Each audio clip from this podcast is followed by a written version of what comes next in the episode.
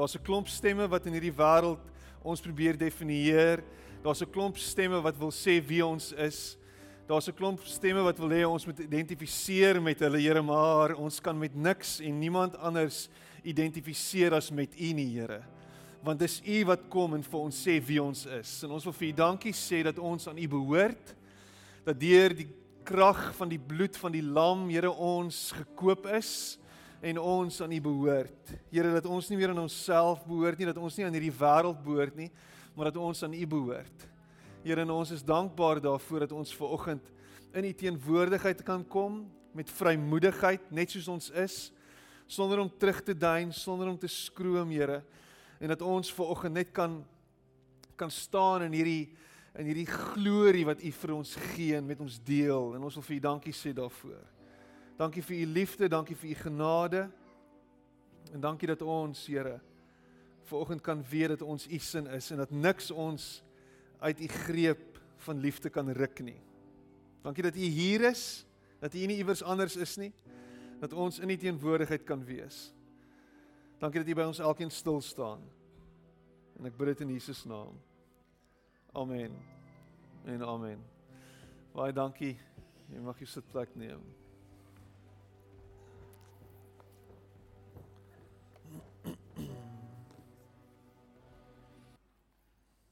Wat 'n wat 'n lekker ervaring om ver oggend deur 'n klomp vroue stemme begelei te word en 'n vrou in die dronkas te sien en um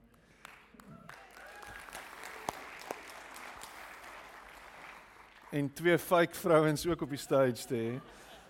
Dit was twee voluit vrouens. Ehm um, gister was al net 'n 'n klomp vrouens op die verhoog gewees en daar was 'n oomblik wat ek hier gestop het en net so ingeloer het gister net om te sien en te hoor wat hier aangaan en uh wow wat 'n wat 'n wonderlike geleentheid. Ek verneem dat gister se voluit vrou geleentheid 'n fenominale sukses was en dat dat die Here regtig 'n ontmoeting gehad het met met die klomp vrouens wat hier bymekaar was en uh ek ek moet dankie sê aan aan aan die vrouens wat almal ingespring het en gehelp het en uh, met met Marlene Blau en aan stuur van sake. Wat 'n voorreg om uh, te weet dat ons uh rarig net kan beleef hoe die Here elkeen van ons vrouens net kom omarm. Ek ek moet dit sê en ek het heel week toe dink ek hieraan. Jy weet ons kan nou Sondagoggend kan ek kan ek inspring en ons kan net vinnig melding maak van van Saterdag en en die feit dat dit 'n uh, vroue geleentheid was of ons kan net so bietjie stil staan um en net bietjie dink aan aan die feit dat dit is Vrouedag gewees. Um en uh, dit is Vroue Maand. Ons sien dit as Vroue Maand. Ek het uh, Vrydag toe ry ek in my kar en ek luister um hoe hoe daar net liedjies ges, gespeel word op die radio van vrouens en uh, hulle verwys na die vrouens as van die van die sangers as divas en sangeresse en, en hulle praat met Beyoncé en hoe sy praat en um en ek dink vir myself wat se tipe plek sou die wêreld gewees het as dit net 'n klomp mans was. Um en en ons moet altyd verstaan dat die Bybel geskryf is deur 'n klomp mans en dat daar 'n baie baie sterk patriargale tipe van um lyn is deur die Bybel. Um in die Bybelse tyd byvoorbeeld het hulle het hulle geglo dat die vrou geen deel het aan aan um aan die voortbring van lewe nie. Dit het alles afgehang van die man. Daar die vrou het geen deel daaraan nie. Die man is die een wat wat die kind verwek, die man is die een wat die lewe gee en die lewe voorsien en, en ons weet natuurlik dat dit nie die waarheid is nie.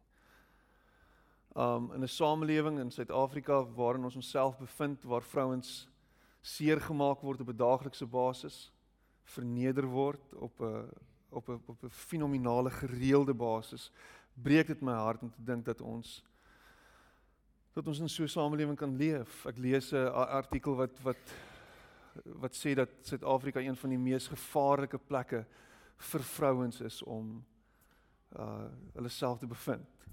Ek weet nie hoe afgryslik is dit. Hoe verskriklik is dit?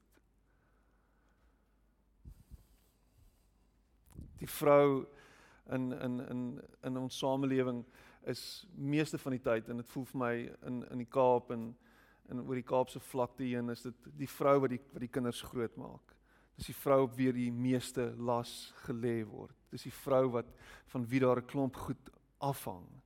Dis die vrou wat probeer stabiliteit bring. Dis die enkel ma wat alles doen vir haar kinders, meer as een werk aanneem sodat sy net kan voorsien. Dis as ek moet vra wie van julle is deur 'n enkel ma grootgemaak of wie van julle is 'n enkel ma dan dan sal ek dink uh, ons ons hare rys en ons in ons harte sal breek. So vir oggend net van my kant af wil ek dankie sê vir elke vrou. Ek weet wat so opofferings julle maak en ek kyk na my eie vrou en ek sien hoe sy um, in ons geval die broodwinner is en in regtig hard werk en en 'n klomp goed na die tafel toe bring. Uh letterlik en figuurlik en probeer om alles te balanseer. Miskien voel jy oorweldig. Miskien is jy ver oggend hier en jy voel dat die Here jou dalk nie raak sien nie. Jy is vrou nou.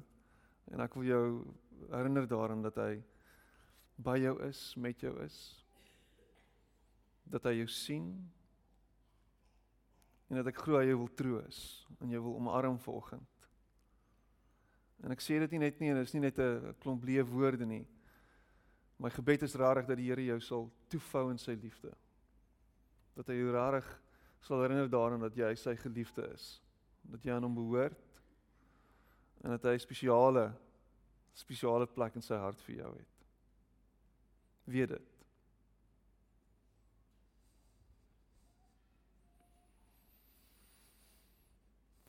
Jesus het 'n 'n baie nou en 'n besonderse band met sy ma gehad. Um ons lees aan die aan die begin van van Jesus se lewe lees ons van van Josef en dan iewers hier 12 jarige ouderdom waar hy in die tempel sit waar sy pa en sy ma hom gaan soek en dan hoor ons nie weer van Josef nie. En ons hoor baie van sy ma en hy ons weet dat hy aan die kruis net voordat hy sterf na Johannes loer en vir hom sê onthou hierdie is nou jou ma. Jy moet na haar kyk, jy moet vir haar sorg. Um en daar was iets spesiaals gewees in daardie verhouding tussen Jesus en sy ma. En uh as ek terugdink aan my eie verhouding met my ma en um wat se rol sy in ons lewens gespeel het, afgesien van die feit dat ons uh 'n weeklikse dosis van uh bully beef macaroni gehad het. Um is sy die een wat in die aand by ons gekniel het en ons geleer het om te bid en oor ons gebid het. En daar's iets spesiaals daaraan ook al warm omhelsing voel elke aand voordat ek gaan slaap het. En geweet het hierdie is nie net die omhelsing van 'n ma nie, dis die omhelsing van 'n God wat ook 'n moederhart het. God is nie net 'n harde pa, miskien in jou gedagtes. Jy dink dit is hoe hy is nie. Hy is soos 'n moederhen wat oor sy kykens kom en hulle bymekaar hou vir hulle lief is. Dankie ma. Dankie vrou vir wie jy is. Dankie vir wat jy beteken. Dankie dat jy sterker is as wat ons ooit kan verstaan en besef. En ehm um, ja, ons moet meermaal die vrouens alleen op stage hê. Ek het dit geniet. Dit was besonder. Daar was iets moois daaraan gewees daar was 'n sagtheid en 'n en 'n deernis wat tot my gespreek het. Lukas 12, jy's welkom saam met my te blaai daarin.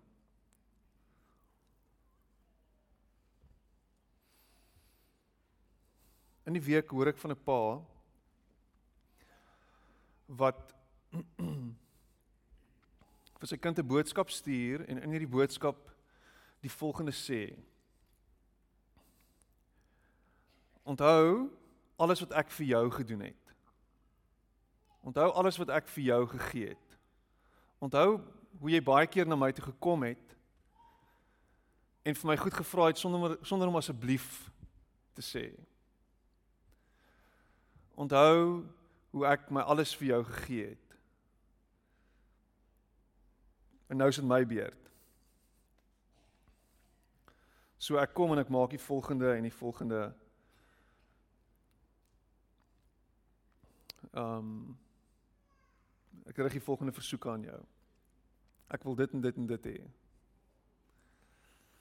En toe ek dit hoor en en en, en ek hoor die die seer wat dit maak, uh toe van voor af herinner dit my daaraan dat die God wat ek en jy dien nie 'n manipuleerder is nie. Die God wat ek en jy dien nie een is wat heeltyd so 'n bietjie van 'n valbou oor ons koppe laat hang nie. Wat heeltyd in ons gesigte vryf en ons heeltyd herinner daaraan dis wat ek gedoen het en nou moet jy dit doen nie. As dit jou beeld van God is, is dit 'n verwronge beeld. Dis nie wie hy is nie. Die God wat ek en jy dien is 'n God wat vir ons sorg omdat dit is wie hy is. Hy sorg nie vir ons sodat hy later kan terugkry by ons nie. Hy sorg vir ons omdat hy 'n oorvloedige liefde het vir my en vir jou. Daar's hierdie absolute wil by hom om ons te oorweldig met sy liefde en sy genade. En hy wil vir ons kom wys wat dit beteken om lief te hê. As jy vanoggend hier sit omdat jy voel dat jy 'n verpligting het teenoor hierdie God of omdat jy voel dat jy dat daar 'n verwagting is van jou dan dan dan mis jy dit. Maar omdat jy hier sit ver oggend en miskien sit jy hier ver oggend met 'n gebrokenheid en met 'n met 'n met 'n met 'n behoefte? Of met 'n ek het nie alles onder beheer nie of ek weet nie regtig wat nie of ek weet nie watter kant toe nie of ek weet nie hoe om sin te maak van alles nie. Dan sê daardie God sê hy kom na my toe. Almal wat moeg en oorlaai is kom na my toe. Jy wat ver oggend hier sit en angstig rondpik en wat rond kyk en wat nie weet hoe werk dit nie en wat nie weet hoe gaan môre uitwerk nie. Hy sê kom na my toe. Kom staan by my stil. Kom wees hier by my. Kom rus hier by my. Die die die fokusskrif is, is vers 32 van Lukas 12. Maar ek wil hier by vers 22 begin. Verder het Jesus vir sy disippels gesê en ek lees uit die uit die Afrikaanse nuwe vertaling uit. Hy sê Daarom sê ek vir julle, moet julle nie bekommer oor julle lewe, oor wat julle moet eet nie of oor julle liggaam, oor wat julle moet aantrek nie. Die lewe is tog belangriker as kos en die liggaam as klere. Kyk na die kraaie. Hulle saai nie en hulle oes nie. Hulle het geen spens of skuur nie. Maar God sorg vir hulle. Julle is tog baie meer werd as voëls.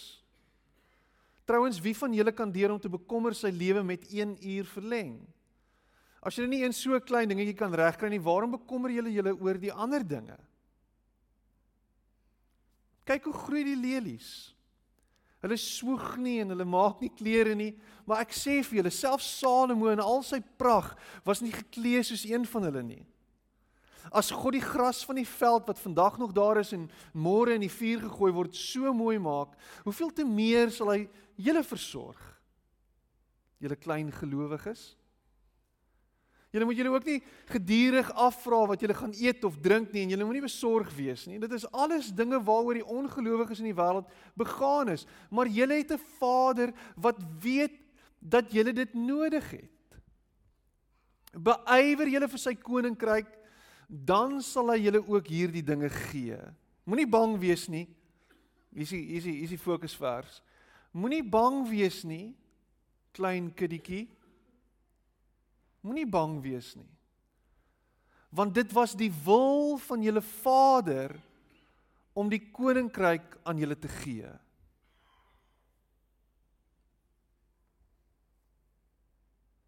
En dan gaan hy verder. Hy sê verkoop julle besittings en gee bydraes vir die armes Skaf vir julle 'n beurs aan wat nie leeg raak nie, 'n onuitputlike rykdom in die hemel waar geen dief dit kan bykom en geen mot dit kan verniel nie.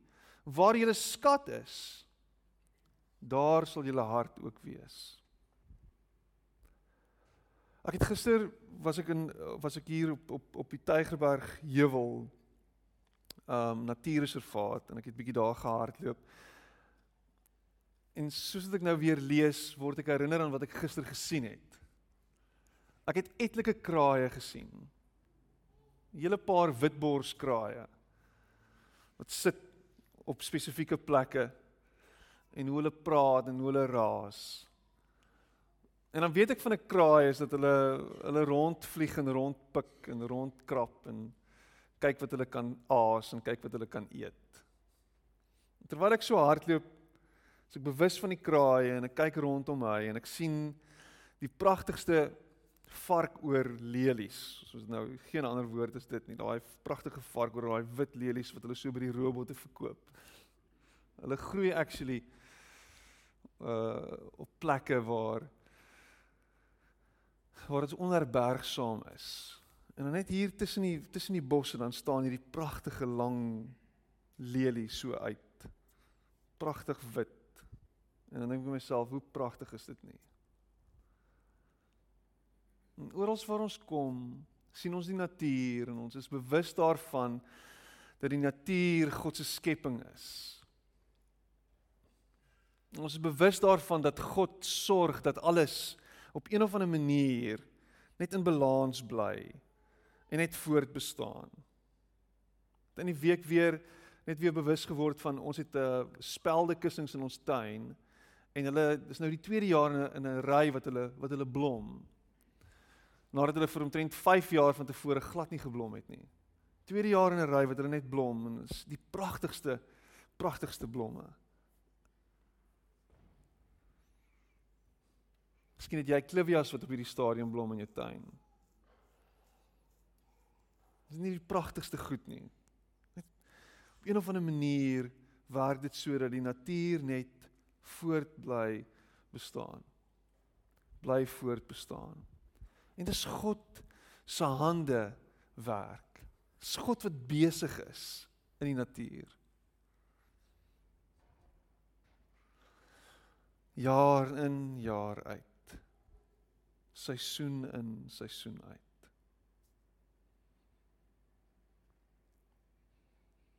As jy op sosiale media rondkrap en dit lyk my dit is wat ons doen as as mense, dis ons natuur, is om op sosiale media rond te krap en te kyk wat aangaan in die wêreld en te hoor en te lees.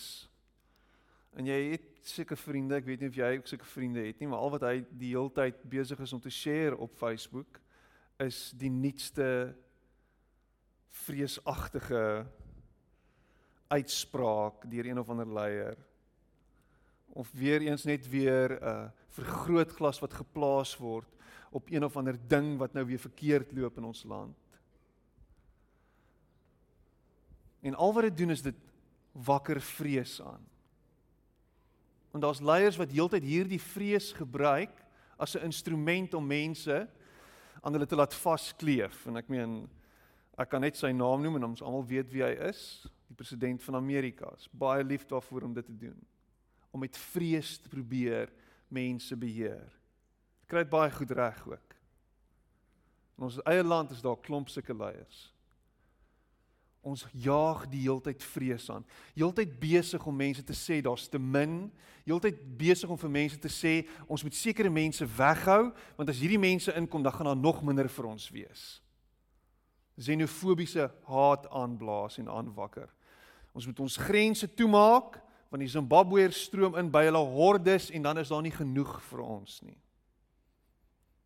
Nou ons kan 'n klomp redenasies daaroor voer en daar's 'n klomp sekerlik bewyse vir dit en daar's 'n klomp goed wat ons kan aan aan kan kan kan kan wys en kan ter stawing van hierdie tipe van feite. Maar as ek en jy sê dat ons lewens behoort aan die een wat die hele wêreld in die holte van sy hand hou, dan is daar iets wat in ons moet gebeur. Wanneer ons hierdie tipe van uitsprake hoor. Wanneer ons hierdie tipe goed sien en lees. Dan moet ons teruggaan en sê maar wat sê hy hieroor? Wat sê Jesus hieroor? Wat is sy uitspraak oor dit?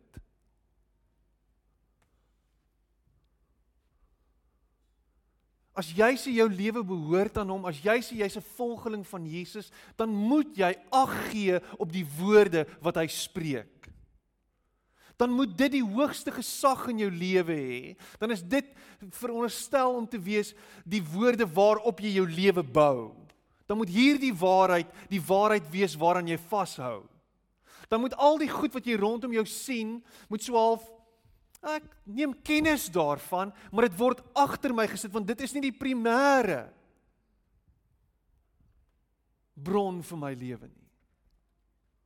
Dan word stelsels en ekonomieë en allerlei ander basisse waarop hierdie wêreld funksioneer word half sekondêr. Want daar's 'n hemelse realiteit waarin ek en jy vashou en vasklou wat hierdie realiteit heeltemal transcendeer en hoër is as. Maar ons sukkel met dit. En ons hoor wat Jesus sê, maar dit is so idealisties en ideologies en is pragtige goedjies. Ek herinner my aan aan wat ek al gehoor het 'n pastoor gepreek het oor byvoorbeeld die bergpredikasie en al wat hy sê is hy sê dit is absolute 'n ideologie wat heeltemal onnavolglik is. Die bergpredikasie. Dit is irrasioneel.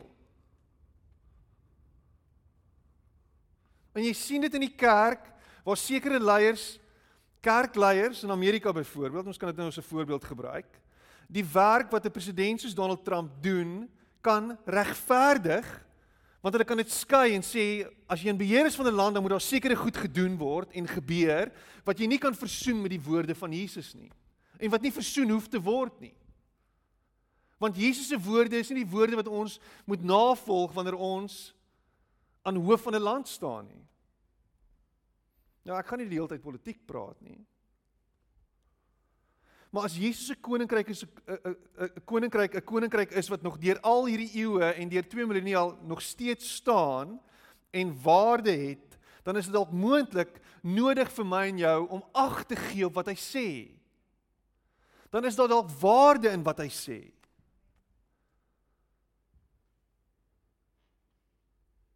En miskien as volgelinge van Jesus moet ons dit regtig super ernstig opvat om te sê, maar kom ons kyk wat het Jesus gesê? Kom ons doen wat hy sê. En kom ons kyk wat die uitkoms is as ons dit doen. Kom ons kyk hoe kan ons leef rondom ons en met die mense rondom ons as ons hierdie dinge wat hy sê ernstig opvat. Wat daarvan as ons regtig begin om mekaar te vergewe en 'n versoening met mekaar te lewe? Wat as ons regtig in ons vyande kyk en sê, weet jy wat? Ek glo nie in 'n oog vir 'n oog soos wat hulle geglo het daardie tyd nie. Ek glo dat Jesus se maniere beter maniere is. Miskien moet ek die ander wang draai. Miskien is daar waarde dat miskien gaan die oorlog ophou as ek dalk net die ander wang draai. Miskien kan iets gebeur.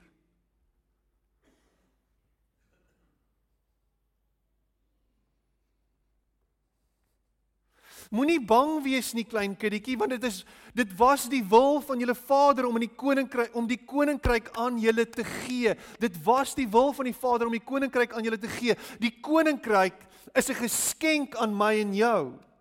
Dis iets wat hy vir ons gee en hy sê hier is dit. En binne in hierdie koninkryk kan julle dit nie verdien nie. Niks wat julle doen verdien julle nie. Alles wat binne in hierdie koninkryk gebeur is genade is 'n gawe van my af. Is 'n ek gee dit vir jou. Is 'n ek sorg vir jou. Is 'n ek sal vir jou sorg. En dis wat hy doen vanoggend. Hy kom na jou toe en hy sê neem kennis.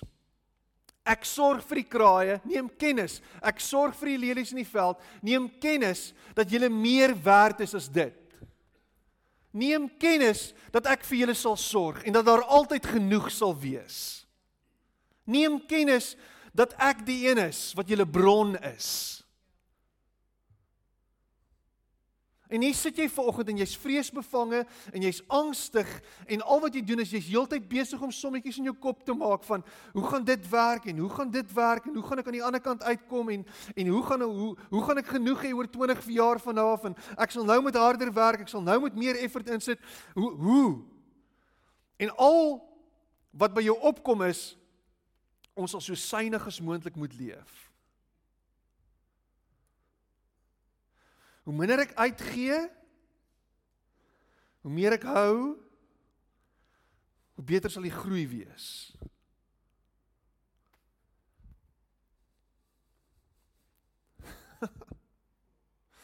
En dan sê Jesus, moenie bang wees nie klein kindertjie want dit is dit was die wil van julle Vader om die koninkryk aan julle te gee. Dan sê hy, verkoop julle besittings en gee bydraes vir die armes. Dis wat hy sê. Hy sê moenie bang wees nie. Te midde van al hierdie onsekerheid. En wees vrygewig tot so 'n mate dat jy eintlik van alles moet ontslaa raak. Wat is die konsensus in hierdie wêreld is? Maak soveel as moontlik bymekaar. Hierdie wêreld sê jy het soveel as moontlik nodig. Kan ek kyk wie van julle is hoarders? Wat 'n vraag is dit? Hier's party van julle Shucks my ek hoor nou in die week hoe Lise vir vir Nina sê, jy wys jy moet met jou een vinger vir my, maar daar's vier wat terugwys na jou toe. Wie van julle kan nie jou kar binne in die garage intrek nie want jou garage is vol goed. Moenie jou hand opsteek nie. Shame on you.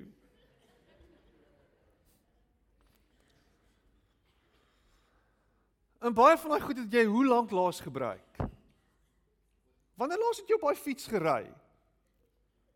Gee die ding weg.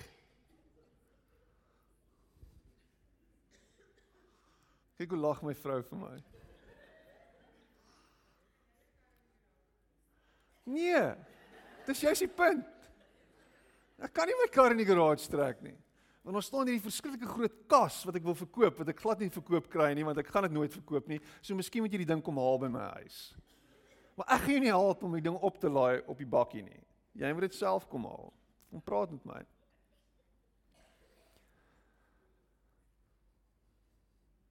Maar ons maak by mekaar. En nou kyk my vrou hierdie hierdie storie op Netflix, Mary Kondo. Ek weet nie wat is die storie se naam nie. Dit dit word iets anders genoem, maar Mary Kondo is die die Japaneese vrou wat na jou huis toe kom en dan kom sort sy jou nonsens uit. Sy sort jou eintlik uit. En as sy jou uitgesort het, dan sort jy jou eie huis uit. Daar's daar's daar's daar's daar's footage van mense wat 10 jaar laas byvoorbeeld 'n kledingstuk aangetree het. Of 10 jaar laas by 'n spesifieke een van daai spesifieke bokse eers gekyk het wat daar binne aangaan. Hoekom weet jy dit? Hoekom hou jy vas daaraan? Daar's goed wat vir ander mense dalk iets kan beteken in jou kas, in jou huis, wat jy kan weggee. Jesus sê nie verkoop jou besittings en sit die geld in die in die bank nie. Jesus sê verkoop jou besittings en gebruik daai geld. En werk daarmee en werskaf daarmee en doen goed daarmee. Imagine hoe kan hierdie wêreld lyk like as ons dit ernstig opvat. En regtig so begin leef met oop hande en oop harte. En al wat ons doen wanneer ons weggee, is ons sê daar's nog baie waar dit vandaan kom. Want hy sorg vir my.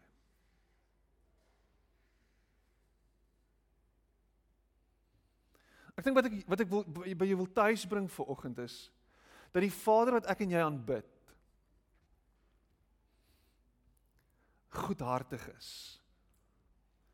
Vrygewig is. En dat hy opgewonde is daaroor om dit wat hy het met ons te deel. As jou beeld van God 'n beeld is wat sê dat jy enige oomblik verwag dat die mat onder jou voete uitgeruk gaan word, het jy die verkeerde beeld van hierdie God. Want wat dan gebeur is dan hou jy vas aan alles wat jy het met alle mag en alle mening want net nou het ek niks meer nie. Want want want dit kan in een oomblik van my af weggeneem word.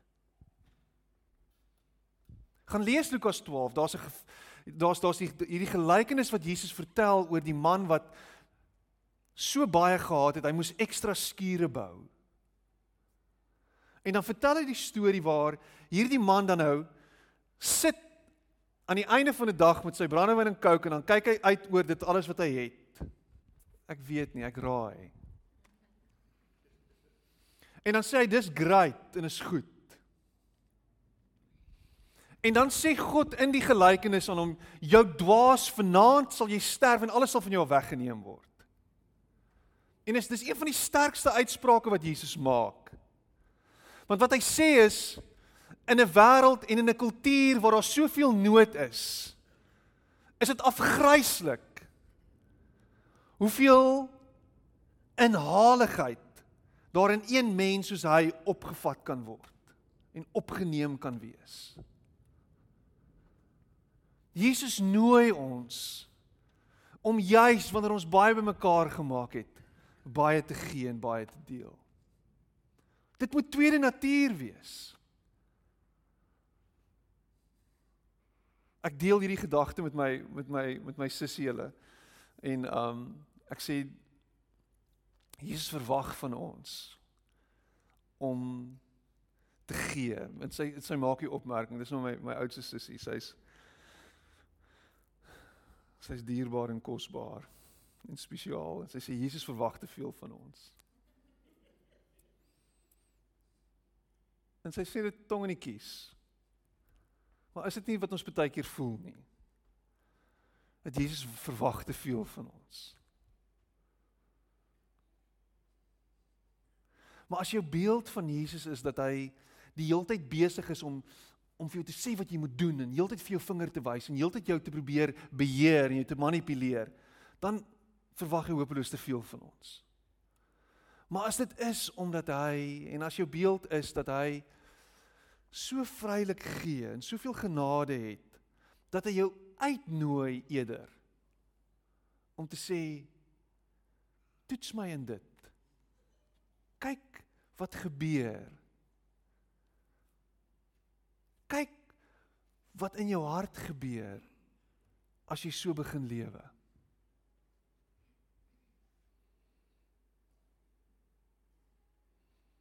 Jy sê jou lewe het geen sin nie. Jy sê jou lewe is leeg. Jy sê jy sê jy wens jy het 'n doel gehad op hierdie aarde. En jy sê dit terwyl jy terugry na jou huis met baie kos en lekker klere en mooi kar. Jy voel jou lewe kan meer wees. Miskien is sleutel tot 'n nuwe manier van lewe of 'n nuwe lewe of 'n lewe wat sin maak. Om juis minder na jouself te kyk en te kyk wat kan ek gee en wat kan ek doen met dit wat ek het.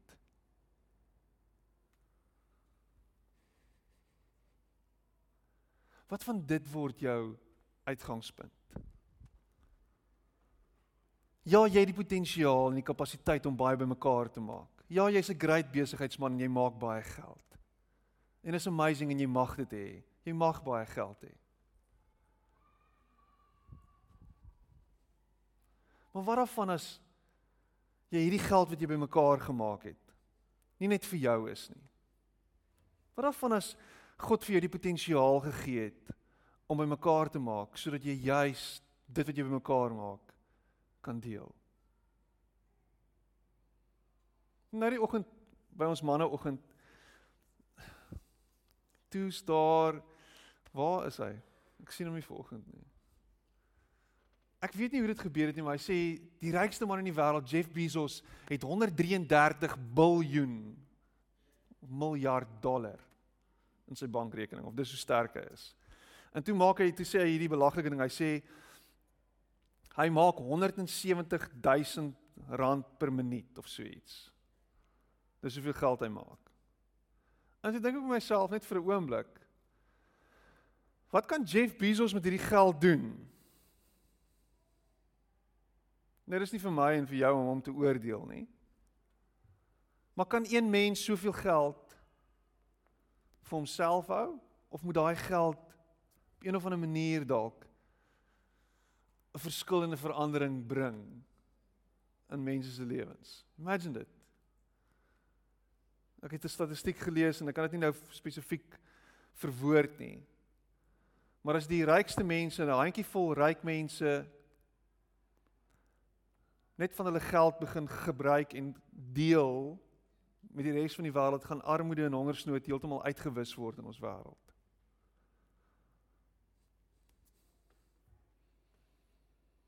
Die koninkryk van Jesus nooi ons uit om nie bang te wees nie en om vry te wees van ons hebsug om by mekaar te maak. Ek sluit af met hierdie laaste vers, vers 34. Waar julle skat is, daar sal julle hart ook wees. Waar jou skat is, daar sal jou hart ook wees. As jou skat opgesluit is in rand en sent, as jou skat in goud aandele of in een of ander mark aandeel of in Apple stock is of wat ook al, dan sal jou hart daar wees. Maar as jou skat in die koninkryk van God is, sal jou hart ook daar wees. Sal jou hart belyn word met God se hart en sal jou uitgangspunt wees miskien kan hierdie beter aangewend word as om net daaraan vas te hou en op nog 'n Mauritius vakansie te gaan.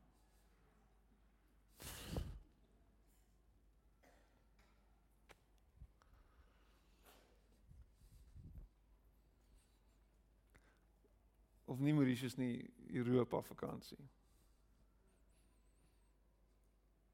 of een minder vakansie in 'n jaar.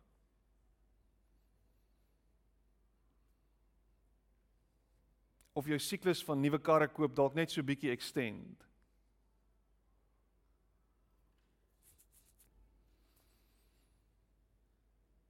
Of minder nuwe klere koop. Of dalk net nog 'n jaar wag met jou ou selfoon voordat jy upgrade.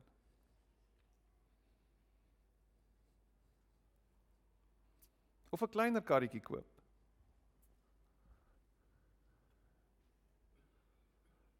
Ek weet nie hoe dit vir jou lyk nie. Wat van jy hou op bang wees? En jy raak net bietjie meer vrygewig. En kyk wat gebeur.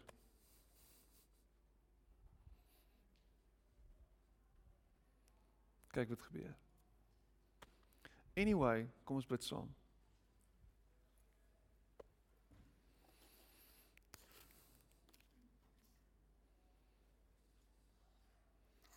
Here sal U regtig vir ons sorg? Is daar regtig genoeg?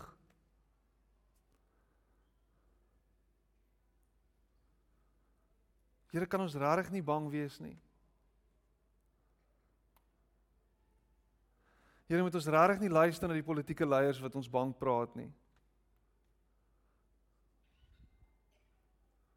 Here gaan ons gaan U ons regtig beskerm. Is ons regtig veilig? Is U regtig lief vir ons?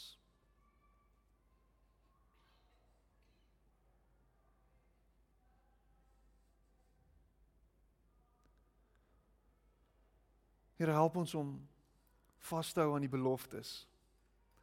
Die belofte wat sê dat U vir ons sal sorg.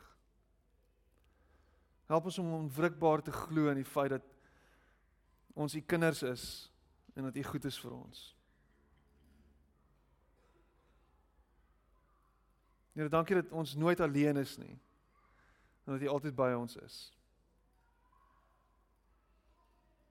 Maak ons oë oop, Here, vir U teenwoordigheid. En help ons om om elke hoek en draai goed te wees vir ander. Help ons om met oop hande en oop harte te lewe. Help ons om nie inhalig te wees en net na onsself te kyk nie. Help ons om 'n verskil te maak, al is dit hoe klein in iemand anders se lewe. Help ons om vry te word van die beheer wat geld oor ons kan uitoefen. Maak ons los daarvan.